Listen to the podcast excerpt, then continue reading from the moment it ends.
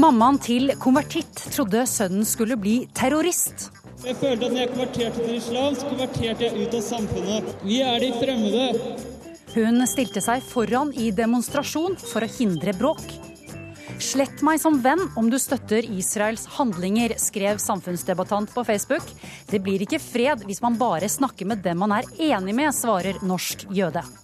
Og det er vel sent å bli feminist den dagen man selv får en datter, sier redaktør, som møter pappafeminist til debatt. Du hører på Ukeslutt i NRK P1 og P2, og jeg er Ingvild Edvardsen. Jeg håper du følger oss den neste timen, der du også skal få høre mer fra denne damen. Are you tired of the media filters? Well, I am. I always have been. Ja, Sarah Palin har nemlig startet egen TV-kanal. Legen Mats Gilbert har fått mye skryt for arbeidet han har gjort ved sykehuset i Gaza. Men han har også møtt mye kritikk for ikke å ha et balansert syn på konflikten. Vi var med da han møtte en av sine meningsmotstandere. Der starta tannbørsten. Hadde det skjedd i passkontrollen i Tel Aviv, hadde jeg vel ikke hørt så sånn. Etter drøye to uker i et krigsherjet Gaza har Mats Gilbert hatt 19 timer i Oslo. 19 tettpakkede timer fulle av formidling og møter med pressen. Nå begynner siste etappe hjem til Tromsø, og på et komfortabelt hotellrom overfylt av blomster og takkekort pakkes den lille grønne reisesekken for siste gang. I den har han hatt det aller nødvendigste av reisedokumenter, klær og ikke minst tannbørsten. Så har jeg altså til og med reist med elektrisk tannbørste. Det er en utrolig viktig ting når man er ute i sånne situasjoner. Det er selvfølgelig å ha orden på tingene sine, men så er det også å ha de der bitte små tingene som gjør at, at liksom det ikke faller helt fra hverandre. F.eks. at du har tannbørsta di, og at du har, at du har eh, noe som er gjenkjennelig. Noe som er litt sånn kjent og kjært. Hei, da skal jeg sjekke ut, jeg. Rom nummer 1201, var det det? 1401, 1601, 1201. Jeg husket det. Du verden. Så er alt klart til avreise. Bare én ting gjenstår. Et møte med en som har kritisert Gilbert for å ikke anerkjenne at det er to parter som har skyld i denne konflikten. Hei, hei. God dag, god dag. Vi har invitert Gilbert til å møte Anne Sender, tidligere formann i Det mosaiske trossamfunn i Norge. Hvordan har du det? Ganske fælt, Det håper jeg. eh, vil jeg si. Mm, det skjønner jeg. Det skjønner jeg. Jeg har jo respekt for eh, din eh, menneskelighet, selvfølgelig, og dine standpunkter. Som jeg håper og tror at du har respekt for mine standpunkter. Eh, hva sa du? Ja, det får vi jo se om vi greier å få finne fram til. Ja, nå sa jeg at jeg har respekt for dine ja, standpunkter, og så, og så Det, det må du se om du har respekt for mine. Det har du det. Jeg har. Ja, fint. Skal vi, eh, skal vi finne et sted? Jeg har veldig lyst på en kopp kaffe. Kan jeg invitere deg på en kopp kaffe? Takk. Ja. De trekker bort i hotellbaren og setter seg ned i en dyp sofa. Stemningen er høflig, men nøktern. De vet begge hvilken vei dette kommer til å gå. Sender tar raskt ordet. Det er noe hun vil rydde opp i. Får jeg begynne? Ja, fordi jeg har behov for å si um, til Mats Gilbert at jeg tar av meg hatten for den innsatsen du gjør. At du tar, eh, reiser deg fra sofaen og bidrar i denne situasjonen og i tilsvarende situasjoner om igjen og om igjen og om igjen. Det, det tar jeg meg hatten for. Og så sier jeg med det dypeste alvoret jeg greier, at når du går utover hjelpearbeiderrollen og blir også eh, jury og dommer, journalist og analytiker, så mener jeg at du til tider er med på å røre opp i det vannet hvor det skapes mye hat, og hvor det fylles mye opp i de mytene som det allerede er veldig mange av. Vår oppgave er å ansvarliggjøre begge parter når vi ser og står midt i de konsekvensene som det du, eh, som det du gjør. Og jeg opplever at du i liten grad eh, ansvarliggjør også Hamas for de strategiene og de måtene de velger å gjøre dette på. Jeg lytter. Jeg lytter og hører at du ikke har noen beklagelse av at eh, det til nå er også drept eh, 1260 palestinere. Og 80-90% av de, ifølge FN, er sivile. Det er drept snart 250 barn. Eh, det er det budskapet jeg har kommet med. Jeg lytter til deg og hører at du ikke er opptatt av det, men du er opptatt av å kritisere at jeg formidler det. Eh, og det som jeg tror er problemet til eh, de som støtter Israel Altså, den hæren som du støtter, bombet natt til i går FN-skolen i Shabalia og senere på dagen markedet i Seshaia. Og det ble altså drept eh, nærmere, jeg tror det var nærmere 50 stykker, og mange hundre skadde kom til Shifa. Eh, dette blir altså fordømt av en hel verden, men de som støtter Israel, sier at dette er altså palestinernes skyld. Jeg, nå begynte du som om jeg ikke har vært med i debatten her lenger fordi du har vært der. Jeg har sagt utallige ganger at jeg mener den, at partene har satt hverandre i den situasjonen som gjør at dette nå skjer, det syns jeg er helt utholdelig. Mm. Eh, og at disse ofrene, og ikke minst alle barna, det er en altfor høy pris å betale. Har du sagt det til israelske ja, myndigheter? Dette, har jeg sagt i medier. Til, har du meldt det til ambassaden? Jeg har, ikke, jeg, har, jeg har ikke kontakter i den israelske myndighetene. Nei, nei. Jeg har vært i debatter og sagt mm. dette, at de begge har satt seg i den situasjonen at dette er mulig. Dette har gått for langt. Fordømmer du drapene? Fordømmer jeg, du Jeg fordømmer begge.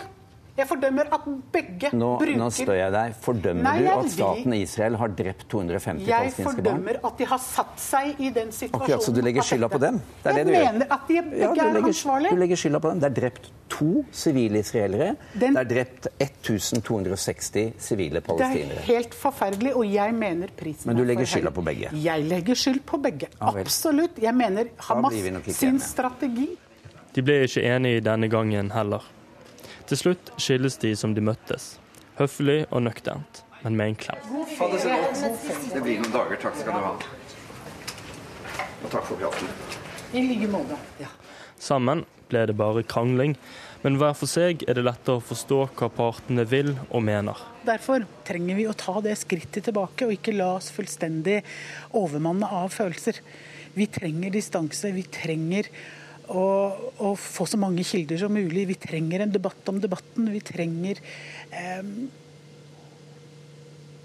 Vi trenger å se at vårt bidrag rett og slett ikke er å fòre alle disse følelsene, men å fòre kunnskapen. Og ikke minst prøve å bidra med en distanse og forslag til løsninger. Jeg mener at problemet er at Israel er en brutal militærmakt som okkuperer et annet folk og, og, Anne mener at uh, hun mener noe annet. Uh, og så blir det en energisk diskusjon. Det som er fint, er at vi kan snakke sammen. Det som er fint, er at vi ikke slår hverandre i hodet. Og at ikke hun kommer med en, uh, et maskingevær og skyter meg. Fordi at da blir det ikke noe samtale. Det sa Mats Gilbert til reporter Jaran Ree Mikkelsen. Vi trenger en debatt om debatten, sa Anne Sender, og den skal vi ta nå for i sosiale medier og i kommentarfelt i avisene er diskusjonen til tider svært opphetet i denne konflikten. Susanne Aabel, journalist, blogger og jøde. Hvordan syns du det er å skulle delta i eh, denne debatten? Nei, for det, altså, det er jo en berg-og-dal-bane-ride eh, fra helvete, hvis det er lov å, å si på radio. Men samtidig så er det utrolig viktig at man bidrar, hvis man vel å merke har et engasjement og, og litt eh, over middels kunnskap, mener jeg, da. Det var en kamerat av meg som sa at det er utrolig fint at veldig mange engasjerer seg i det som foregår på Gaza nå, men det er litt vanskelig å, å ta all, all, alt hatet fra f.eks. Eh, svenske nyinnflyttede bartendere på 18 år som, som, jeg, som, jeg, sitter og vet at kanskje ikke har noe spesiell kunnskap om det de snakker om, men som har tatt et standpunkt og har veldig, veldig sterke, bastante meninger og mye følelser. Og det er fordi at det er så lett å se. Og det skrev vel eh, strengt tatt Mina i Dagbladet her forleden også at det er så lett å se hva som foregår på Gaza nå, og det skaper et rabalder av vonde følelser og engasjement i folk. Vi kommer tilbake til det. Mina Adampour presenterer deg også. Du er leder Ungdom mot rasisme og samfunnsdebattant. Du øh, har nylig bedt alle dine Facebook-venner som støtter Israel, om å slette deg som venn. Hvorfor gjorde du det? Jeg, jeg, mener jo at de som ønsker å støtte staten Israel, er berettiget til å gjøre det. Det jeg skrev som privatperson på min Facebook-side, var at de som forsvarer Israels handlinger, eh, kan få lov til å slette meg som Facebook-venn uten at jeg trengte noen nærmere eh, beskrivelse av deres forsvar for folkerettsstridige handlinger. Og det skrev jeg fordi jeg har tidligere også rensket opp i vennlisten, der hvor religiøse muslimske ekstremister har uttalt uh, at de forsvarer uh, voldelige handlinger mot sivilbefolkninger, drap av sivile. Og det har jeg også talt imot. Det er jeg ikke en tilhenger av. På samme måte så er jeg på ingen som helst måte uh, en tilhenger av at en av de mest militariserte statene i verden begår folkerettslige handlinger og dreper sivile barn, kvinner og eldre, og også menn. Det er ikke slik at vi bare skal fokusere på at sivile barn er blitt drept. Bare det å ta et sivilt liv skaper enorm lidelse, eh, ikke bare for tapet av den ene, men hos de gjenværende. Og så kommer i tillegg de psykiske ringvirkningene av det å bli bombet. Vi opplevde én bombe den 22. Mm. juli 2011. Det var en frykt som satte i oss alle i mange år. Vi skal prøve å holde oss til å snakke om debatten nå. Jeg må spørre deg, mm. Susanne Aabel. Jeg vet også du har fått slike forespørsel fra dine Facebook-venner. Hva syns du om at uh, Mina og flere andre har lagt ut en sånn melding? Ja, nå ble jeg egentlig litt uh, positivt uh, overrasket, for nå trodde jeg at Mina hadde sagt at uh, alle som støtter Israel, eh, kan fjerne seg fra vennelisten min. Eh, for jeg støtter jo Israel sin rett til å eksistere, i det minste. Eh, men jeg støtter ikke noe okkupasjon, og jeg støtter ikke krig. Jeg er imot krig, jeg. Så enkelt er det. Og jeg tenker at eh, i mitt ho hode, hvis jeg skulle hatt veldig sånn enkle, barnslige løsninger på dette her, så er løsningen at Hamas slutter å skyte raketter. Og at Israel eh, slutter å okkupere land. Nå er det jo bare et spørsmål om hva Hamas anser som palestinsk land og ikke, da. Om det er hele Israel, eller om det er den flekken eh, på Vestbredden, det, det, er jo et eget spørsmål. Men jeg har også sletta folk fra Facebook og andre medier de siste ukene. Blant annet fordi folk eh, begynner å blande inn holocaust. Eh, og det har jeg nulltoleranse for. Selv om jeg ser at de barna og, og, mennene og kvinnene og de eldre som opplever den krigen de gjør nede på Gaza nå, vil nok ha de samme ringvirkningene som om de opplever en holocaust. Men det er ikke utgangspunktet som tyskerne hadde for å utslette jødene, og det israelerne gjør nå, er ikke det samme. Men eh, Du sier det er forskjell mellom Israel og Israels handlinger. Men eh, du sier også at du, at du har slettet venner fra din Facebook-liste. Men er det, et, er det, et, mål å utelukke de man er eh? Nei, jeg tenker at det, det er som faktisk Mats Gilbert sa, at du, vi må jo snakke sammen. Men samtidig så tror jeg også både Mina og jeg har snakket så mye om dette her med folk at du, du skjønner veldig fort når det er noe vits i å diskutere eller ikke. For det er litt sånn eh, Noen ganger så er det bare å erkjenne at dette mennesket her er det ikke noe vits å diskutere med. Dette mennesket her har jeg ingenting til felles med. Og, så, og, egentlig, de som forsvinner fra mine vennelister nå, det er folk jeg ikke liker som privatpersoner. Hva er det de sier til deg? Hva er det de skriver? Du, nå har det gått i barnemorder tre-fire ganger. Um, og sionist, noe jeg heller ikke er. For alt jeg hadde brydd meg, så skulle Israel blitt plassert i en liten bydel utafor Brooklyn. Så kanskje livet hadde vært litt enklere for oss alle sammen.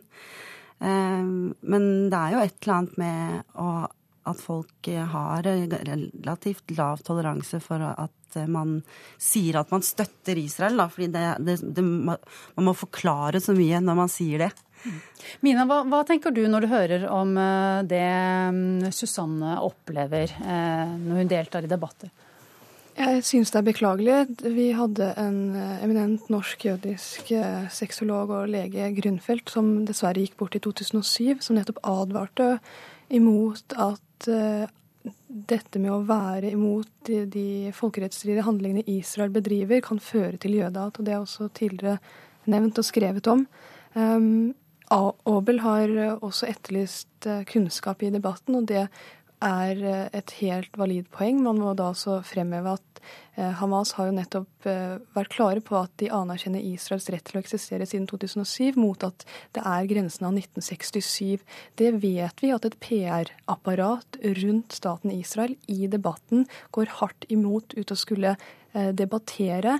Det er ifølge New York Times 40 israelere nå i en interaktiv enhet som består av animatører, fotografer, dataprogrammerer, som sender ut nyhetsbrev på seks forskjellige språk mens den pågående invasjonen fortsetter. Hvis vi prøver å trekke oss litt tilbake til den norske debatten som pågår. Eh, Susanne Abel, du skriver i en eh, kommentar at det ikke er én, men ti enorme rosa elefanter i rommet. De er antisemittiske. Hva mm. mener du med det? Nei, Jeg opplever det sånn etter å ha prøvd å diskutere dette her veldig veldig lenge nå. Spesielt eh, skuffet er jeg når jeg prøver å diskutere med folk på sosiale medier hvordan man tillater seg å, å legge ut bilder av nazister oppimot eh, altså For å si det sånn, det er florert et bilde av noen settlere som sitter og spiser popkorn oppå en høyde og ser på bomberegnet falle over Gaza, og, som applauderer og koser seg verre. Eh, de menneskene vil jeg si at eh, representerer israelere i samme grad som profetens umma representerer norske muslimer. Det henger ikke på greip med hvordan jeg eh, har snakket med mine israelske bekjente, i hvert fall. Ja, mine. Problemet her er jo at, og dette bildet har jeg også både lagt ut og nevnt tidligere når jeg har skrevet om Palestinas pågående lidelse, da, for å si det på den måten. De lever både under okkupasjon og under beleiring og eh, til hinder for å få tak i nødvendig utstyr. Det jeg da har skrevet, er at dette er en marginal andel av Israels befolkning. Mm. Det som da er verdt å eh, huske på når man etterlyser kunnskap, er at det kommer da ut tall om at 80% av den israelske befolkningen eh, ønsker at eh, denne offensiven skal fortsette, og de ønsker ikke våpenhvile. Dilemmaet her blir nettopp den at det er ikke jeg eller andre som har implementert Guds utvalgte folkeretorikken mm. i dette, eller at dette er en jødisk stat. Og da oppstår dessverre denne tosidigheten, hvor det både Vi må nesten eh, avslutte der, og debatten kommer til å fortsette. Dette er eh, skal vi se, overalt. Det er mange som har sterke meninger om denne konflikten. Takk for at dere var med oss, Mina Adampour og Susanne Aabel. Følg med oss videre her i Ukeslutt, så skal du snart få møte en eh, pappafeminist. Du som er sliten og sinna og lei. Nå vil vi synge ei vise til deg om at kvinner kan si fra, protestere og slåss.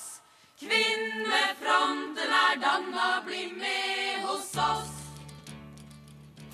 Her hører du Kvinnefrontens kampsang fra 1975 ved Amtmannens døtre.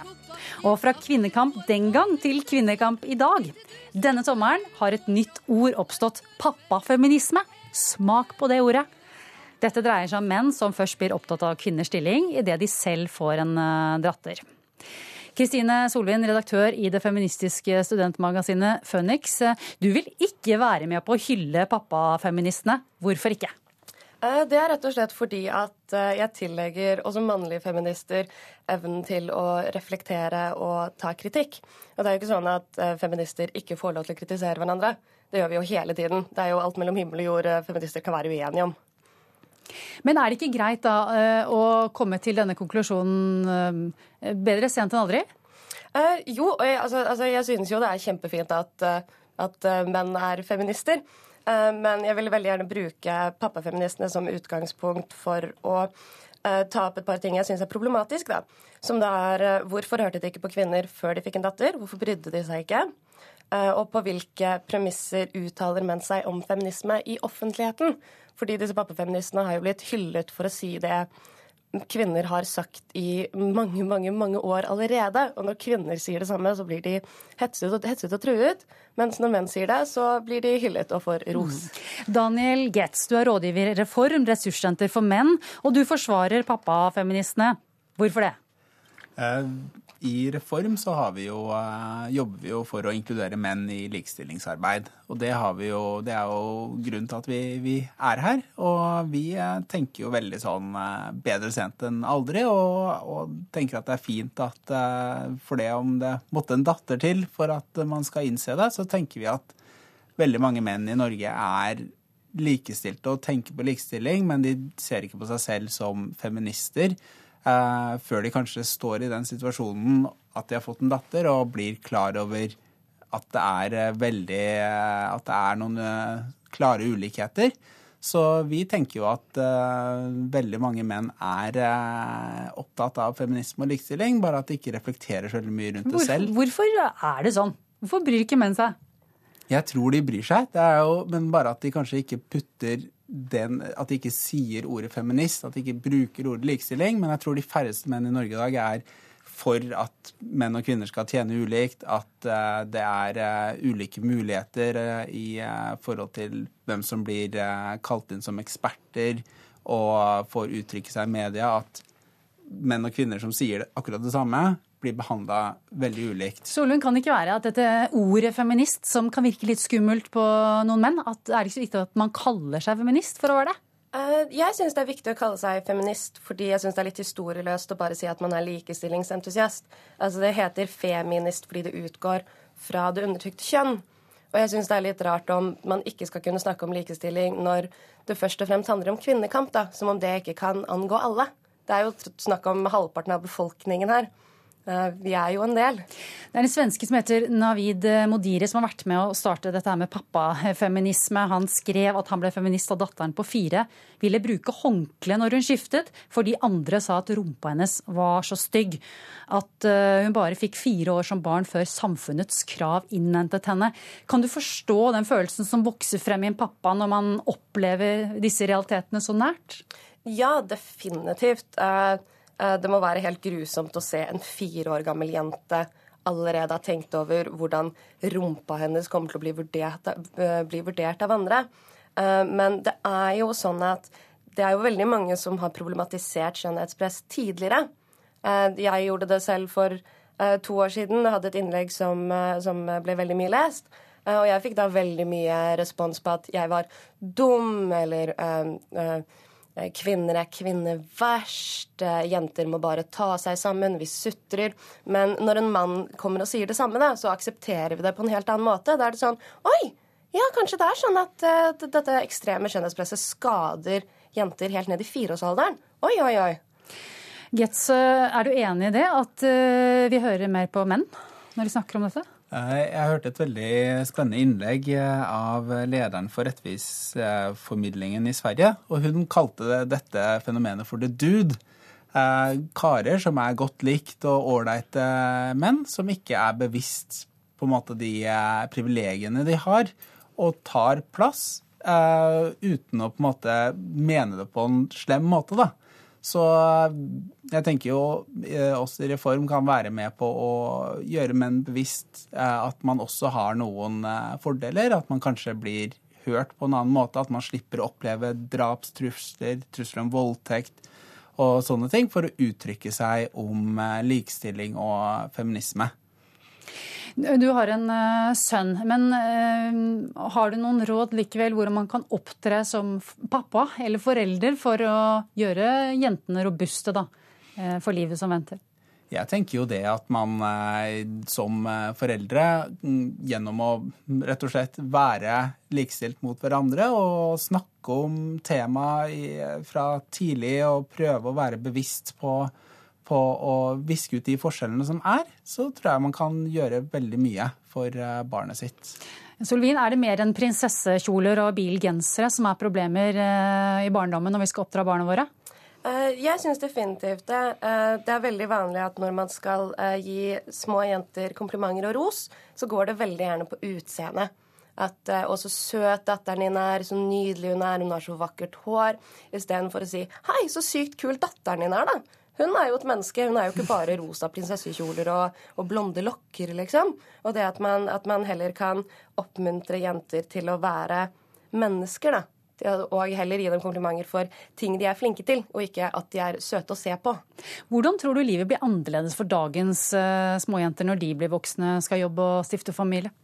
Uh, uh, vel, nå sitter vi to stykker her i studio som skal gjøre det vi kan for at det blir veldig mye bedre.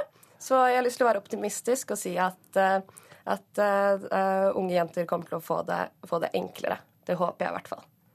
Lykke til med kommende barneoppdragelse begge to. Takk for at dere kom til ukeslutt. Snart skal vi få høre om Sarah Palins nye TV-kanal. Du hører på Ukeslutt i NRK P1 og P2, og det må du fortsette med, for snart skal du få høre. To bygninger skulle sprenges i Oslo i 1979. Det ville fått uante konsekvenser, sier spaneren som avverget terrorangrepet. Og elleve år gamle Benjamin Halvorsen forklarer hvorfor sjakk er kult. Hello, and welcome to a new project. This is a news channel that really is a lot more than news. This is a community where we're going to be able to share ideas and discuss the issues of the day. Slik hørtes det ut da tidligere visepresidentkandidat i USA Sarah Palin lanserte sin egen TV-kanal i USA for kort tid siden. Are you tired of the media filters? Well, I am. I always have been. So we're going to do something about it. We'll talk about the issues that the mainstream media Jeg vil snakke om temaer du ikke får høre i andre nyhetskanaler, sier republikanske Palin, som har blitt kalt dronningen av one-linere etter flere kontroversielle uttalelser offentlig. Og Tove Bjørgaas, korrespondent i USA, hva slags kanal er dette?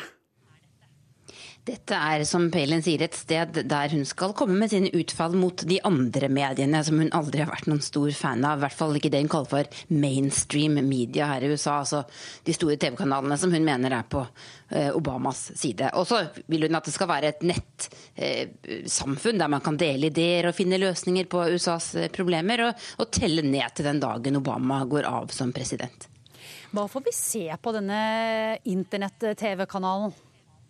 Jeg tror vi får se eh, mye prat. Eh, det er altså en nettkanal. Eh, og det ser ganske billig produsert ut, det hun har lagt ut så langt, men det får vi se på. Jeg tror kanskje Sarah Palin nå er leter etter nye måter å nå ut til folk på. Hun har strevd litt med det de siste årene. og ja, onde tunger her har vel ment at hun kanskje ikke er noe annet enn en tidligere visepresidentkandidat om å gjøre et eller annet for å, for å bli mer synlig. Hun har lagt ut et knippe videoer allerede. Det er et vidt spekter av temaer hun tar opp. Vi skal høre på et uh, kutt fra en video der hun hyller uh, foreldrene på deres 53. bryllupsdag. Hey, mom, dad, just real quick. Want to tell you happy anniversary. 53 years of wedded bliss. Uh, thank you for everything that you have done for our family, the patriarch and the matriarch. I couldn't do anything that I'm doing today without you. Ja, Tove, familie er viktig for Palin. Hun sier også at hun skal uh, vise klipp fra sitt eget privatliv. Men hvilke politiske temaer er det hun er opptatt av å ta opp? Familie er jo et av dem. Hun har fem barn. Hun er veldig opptatt av å verne om de amerikanske verdiene som hun mener er, er bl.a. det å, å, holde ekteskapet høyt og, og, holde familieverdier og kristne verdier eh, høyt. Eh, hun har også deltatt i flere TV-programmer de siste årene der familien har vært med, vist folk rundt i Alaska f.eks. Så, så vi vil nok få høre mye om det. Så vil vi sikkert få høre en del om, eh, ja, om Midtøsten, om, om, utenrikspolitikk. Hun er sterk fan av Israel, naturlig nok. Og så vil vil vi få høre veldig mye om eh, den forferdelige politikken til president Obama, om alle pengene demokratene bruker, om hvor uansvarlig det er, om hvordan egentlig president Obama burde avsettes. Ja, Tove, hun er en av Obamas skarpeste kritikere. Ja, det er hun. Og denne uka så har eh, tilhengerne hennes, en del av de som står langt til høyre i det republikanske partiet, stemt for å saksøke faktisk president Obama eh, for denne helsereformen som de mener strider mot eh, mange sider ved den amerikanske grunnloven. Så de gjør alt de kan for rett og slett å forsøke å avsette ham, noe de neppe kommer til å klare. Sarah Palin har til tider blitt latterliggjort. Hvilken posisjon har hun i USA i dag? Hun har eh, ikke en så veldig sterk posisjon lenger. Eh, det ble jo spekulert i om hun ville stille som presidentkandidat i 2012. Det gjorde hun ikke. Det er blitt spekulert i om hun ville stille som senatskandidat i Florida nå ved valget nå i høst. Det kommer hun ikke til å gjøre. Hun har en, en sånn såkalt PAC, altså en sånn komité som samler inn penger til saker hun tror på. Eh, den har det også gått litt dårligere med, så hun sliter egentlig litt med, med oppslutningen sin. og har, har viktig viktigste hun har gjort de siste årene, er å være kommentator eh, på konservative Fox News. Men også der måtte hun finne seg i en kraftig, eh, kraftig kutt i, i lønna si etter noen uheldige opptredener. Så, så dette er nok et forsøk for henne på, på å nå fram til den tilhengerskaren hun har. Eh, men kritikerne her levner vel ikke denne kanalen så veldig en så veldig lys eh, framtid.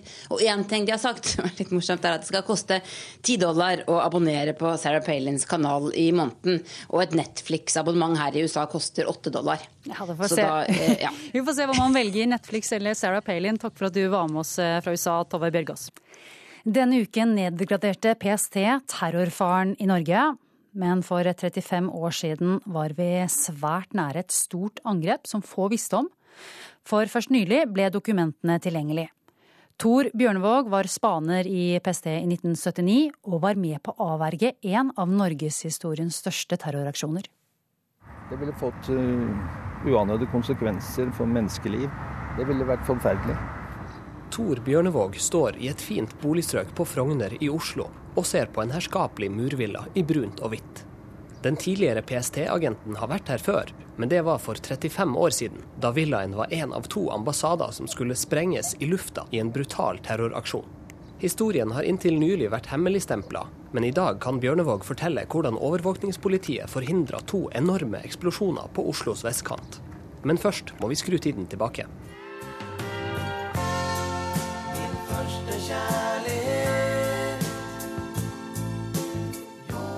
Året er 1979, og Jahn Teigen gjør suksess på norske hitlister med en kjærlighetssang. I Nord-Norge aksjoneres det mot utbygging av Alta-Kautokeino-vassdraget. Og etter flere år med krig har Egypt og Israel signert fredsavtalen Camp David. Avtalen var upopulær i flere arabiske land og førte til terroraksjoner rundt omkring i verden. Sommeren 1979 fikk overvåkningspolitiet tips om at et angrep også var under planlegging her til lands. Situasjonen var den at eh, en libysk agent eh, hadde planer om å sprenge den egyptiske og israelske ambassade med bakgrunn i Camp David-avtalen som ble inngått den gangen.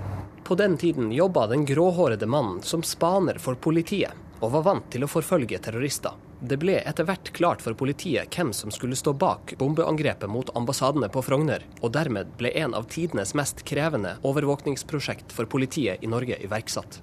Ja, på terrorsiden så tror jeg nok det er riktig. Det var såpass mange involvert, og vi fikk jo inn forsterkninger fra hele landet. Vi var i, i nærheten av hele tiden. Vi var jo godt organiserte, så vi var jo ganske mange. I tre måneder jobba Tor Bjørnevåg og overvåkningspolitiet dag og natt for å overvåke terroristens bevegelser rundt omkring i Oslo. Politiet tok spionbilder, flytta inn i terroristens naboleilighet og fotfulgte han rundt omkring i Oslo. Ja, det gikk døgnbasert 24 timer. Tre måneder. De ble tipsa om at to varebiler fylt med flere hundre kilo sprengstoff skulle detoneres utenfor de to ambassadene i det fredelige villastrøket. Nå hadde vi jo en kilde som hadde gitt oss en god beskrivelse og vi var jo da spesielt på vakt overfor um, kassevogner som da skulle ha med seg sprengstoff. Da var vi her og fulgte godt med, for vi var regelrett på vakt for at noe kunne inntreffe. Arbeidet med terroraksjonen ble holdt svært hemmelig, og Norges befolkning ble, i motsetning til i dag, ikke informert om trusselen.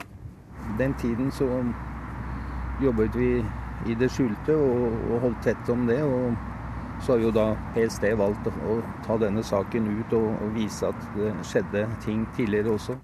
PST har også frigitt overvåkningsbilder som ble tatt sommeren for 35 år siden. Og Tor Bjørnevåg husker fortsatt i dag hvordan terroristen så ut. Jeg mener den tatt i Oslo sentrum. Det er jo han til høyre her som da er den hovedmistenkte. Han var veldig mørk og litt krusete hår. Så den gang var det lett å holde oversikt hvor han befant seg. Det ble etter hvert klart for politiet at terroristens angrep var nært forestående, og at han måtte pågripes. Vi kunne ikke la det pågå for lang tid, og nå hadde vi muligheten til å pågripe han. Så hadde vi jo en kilde som også ga oss opplysninger, og da var vel tiden moden på det tidspunktet. Var dere redd? Altså Alle mennesker kan jo være redde, men ikke redd i den forstand at, eh, at eh, du ikke turte å gjøre jobben din, eller på lignende vis. Terroristen ble pågrepet en sen oktoberkveld i sin egen leilighet i Oslo, og mottok utvisning fra Norge som eneste straff. Eh, det er all grunn til å, å tro at det var meget alvorlig situasjon. Det sier Jan Oskar Engene ved Universitetet i Bergen. Han har forska på terrorisme i over 20 år, og synes håndteringa av saken er spesiell. Eh, jeg synes det er interessant at det går mange tiår før vi har fått vite om dette her. Det ble ordna i hemmelighet, i all stillhet. Eh, og de som var involvert, de eh, utenlandske eh, terroristene, som vi sikkert ville ha kalt det i dag, de ble utvist fra Norge. Og Engene sier at lovverket for terrorplanlegging har blitt mye strengere i dag. Men det har også skjedd endringer i, i lovverket som gjør at Eh, myndighetene har eh, andre muligheter for å straffeforfølge de som sysler med terrorplaner. Jeg tror at etterspillet eh, av slike situasjoner ville vært en helt annen i våre dager. Offentligheten ville ha fått kjennskap til det, og det ville blitt en sak for norsk rettsapparat, og slett ikke noe utvisningssak, som jo egentlig betyr at folk går fri og står fritt til å begå nye terrorhandlinger i utlandet tilbake i villastrøket på Frogner i Oslo. I dag har Tor Bjørnevåg pensjonert seg fra PST, og er glad for at han kan fortelle historien om hvordan terroren ble avverga for 35 år siden. Jeg tror folk har godt av å vite at det er noen som følger med, og at ting har skjedd før. Og bare den tror jeg gir en god trygghetsfølelse. av Bare det å vite at noen alvorlig følger med det som skjer i, samfunnet vårt. Bjørnevåg ser i dag tilbake på en lang, spennende og krevende karriere i arbeidet mot terror. Han har avverga flere saker enn den ene han forteller om i dag. Men selv om han har fulgt mange terrorister i sin karriere, kan han ikke si sikkert hva som gjør at et menneske blir terrorist. Det kan være av forskjellige grunner. Noen kan være marginaliserte, noen kommer ikke ordentlig inn i, i samfunnet. Og noen er ja, romantikere og må trenge spenning. Så det kan være forskjellige årsaker. Skape utrygghet, skape frykt. Det er jo terrorismens kjerne. Reporter var Martin Hotvedt, og du kan lese mer om både denne og flere terrorsaker fra 70- og 80-tallet på våre nettsider nrk.no. Ja, hvorfor blir man terrorist? Det spørsmålet er det mange som stiller, også her hjemme. Radikalisering av unge muslimske nordmenn har igjen blitt aktualisert. Janne Hansen, velkommen til ukeslutt. Du er mammaen til Josef Asidik, en kjent norsk konvertitt som den siste tiden har engasjert seg mot ekstremisme. Men en stund beveget han seg i motsatt retning, og sånn hørtes det ut da han holdt appell under en demonstrasjon for noen år siden. Jeg konverterte til islam for snart ett år siden, i morgen. Og etter det så begynte vi mektig lei av å bli mobba i media. Mobba alle sammen. For jeg følte at når jeg konverterte til islam, så konverterte jeg ut av samfunnet. Vi er de fremmede, og vi kommer alltid til å være de fremmede. Janne Hansen, hvor sto du under denne demonstrasjonen? Eh, jeg valgte å stelle meg helt foran, for jeg visste at Per da ville beskytte meg før han gikk i noe annet bråk. Hva var du redd skulle skje? Um, når vi kjørte toget innover til Oslo den dagen, så skjønte Per at uh, Batti og Melodin tenkte litt annerledes om denne demonstrasjonen enn det han gjorde. Så han sjøl var redd for at det ville bli opptøyer den dagen. Hva fryktet du skulle skje med sønnen din i denne perioden hvor han eh, tilnærmet seg dette miljøet? En lang stund så følte vi at vi, vi glapp den på en måte. Vi mista den.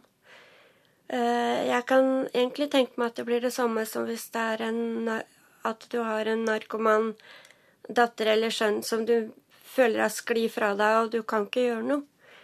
Jeg kunne ikke stoppe det, jeg visste ikke nok om islam.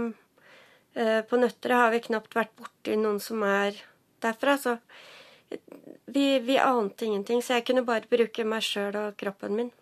Hvordan merket du helt konkret at han skled fra deg og, og beveget seg inn, inn, inn på dette miljøet? Eh, vi merka det på diskusjonene vi hadde hjemme. For eh, hvis vi kom inn på Amerika eller Vesten generelt, så blei vi nesten uvenner. Eh, han ville ikke høre om Amerika. Han skulle ikke reise dit igjen. Han skulle De var slemme, onde. Altså alt du kan tenke deg. Og vi kjente ikke igjen han vi satt sammen med. Trodde du han skulle bli terrorist? Jeg var redd for det en stund. Eller i hvert fall at han skulle reise ned og, og kjempe andre steder. Det skjedde noe med han under den eh, demonstrasjonen, og han har selv sagt at det bidro til at han tok mer avstand fra miljøet. Hvordan endret han seg etterpå? Eh, en stund så ble han veldig sånn funderende og tenksom. Han ble også veldig lei seg etter demonstrasjon, for han, han følte at det var ikke det han var med på, som skjedde der. Han hadde ikke noe del av det, liksom. Eh, dere har jo gitt han en, eh, en, kristen oppvekst. Hvordan opplevde du det at han først konverterte til islam? Jeg syns det var jævlig personlig, fordi at det blei så gærent i forhold til det jeg trodde på, og det vi hadde lært den, og det vi sto inne for. Så um, vi hadde en lang stund hvor vi ikke prata sammen, hvor vi raste hjemme alle sammen, og det var en vond tid. Hvordan er forholdet deres i dag? Det er enestående. Eh, jeg er verdens snilleste sønn og hjelpsomme sønn. Og han kan ikke få gjort godt for verken meg eller andre. Og Du har sagt du er veldig stolt av han? Jeg er veldig stolt. Og jeg er veldig stolt for den jobben de gjør nå med å prøve å stoppe disse fra å reise bl.a. til Syria før det går for langt. Har du noen råd til foreldre som frykter at barna deres skal bli eh, ekstreme? At de skal bli terrorister? Og prøve å ta kontakt med noen som uh, jobber med dette. Blant annet uh, der hvor P jobber nå. Eller andre rasistisk senter, alle disse stedene. De har god kunnskap om dette. Miniotenk uh, Altså, de er utrolig flinke mennesker som kan gå inn i situasjoner før det går for langt, og hjelpe foreldre. Janne Hansen, takk for at du var med i Ukeslutt. Tusen hjertelig takk. Nå til en som liker det kompliserte. Elleve år gamle Benjamin Halvorsen er en ivrig sjakkspiller, og i går var han med på åpningsseremonien under sjakk-OL. Vi snakket med han tidligere i dag for å høre mer om den spesielle oppgaven han hadde på scenen. Uh, ja, jeg skulle da gå opp på scenen med en boks, og i den boksen var det da en hvit konge. Og så var det da en venn av meg som heter Gunnar, som hadde en annen boks med en sort konge oppi. Og så skulle da Magnus Carlsen velge en av de boksene, og den boksen som ble valgt Hvis han f.eks. valgte hvit, så hadde det blitt hvit på første bord på alle oddetallagene som var rangert som oddetall. Hvorfor har det noe å si hvilken farge man starter med, da? Uh, mange vil si at det er litt bedre å være med hvit, for da kan man bestemme hvilken åpning man har lyst til å gå inn i. Hvordan var det å stå der på scenen med Magnus Carlsen og så mange eh, publikummere? Det var, det var, ganske gøy. Det var en opplevelse man definitivt ikke vil glemme så fort. Nei, det tror jeg på. Hva er det som gjør sjakk så morsomt, synes du? Det som gjør sjakk morsomt, må vel være at det er så utrolig mange muligheter, og at du kan prøve å forutse motstanderen din og kanskje prøve å gå han litt på nervene og gjøre ting som han ikke er så god på. Du skal selv være med på ulike konkurranser eh, under OL. Fortell om det. Uh, ja, jeg skal være med på en del sideturneringer. Blant annet skal det være én turnering allerede i dag, om bare noen timer. Hvordan tror du det går, da? Uh, jeg kommer definitivt ikke til å vinne, fordi at det er med en som er rangert som nummer 21 i hele verden med i den turneringa. Hvem tror du vinner OL? De jeg tror vinner OL, må være Ukraina, som er rangert som nummer to. Ikke Norge? Nei, Norge har ikke så store sjanser for å vinne, men de, de kan komme på topp ti. Men det er jo så klart de jeg heier på, da. Benjamin, lykke til i dag, og kos deg med OL i hjembyen. Ja, tusen takk. Ja, Det var litt eh, tidligere i dag. Sjakk-OL pågår altså for fullt i Tromsø, og sendingene kan du følge utover dagen på NRK1. Og da er ukeslutt over. Ansvarlig for denne sendingen var Gry Veiby. Teknisk ansvarlig Erik Sambråten. I studio satt Ingvild Edvardsen, som ønsker deg en fin dag.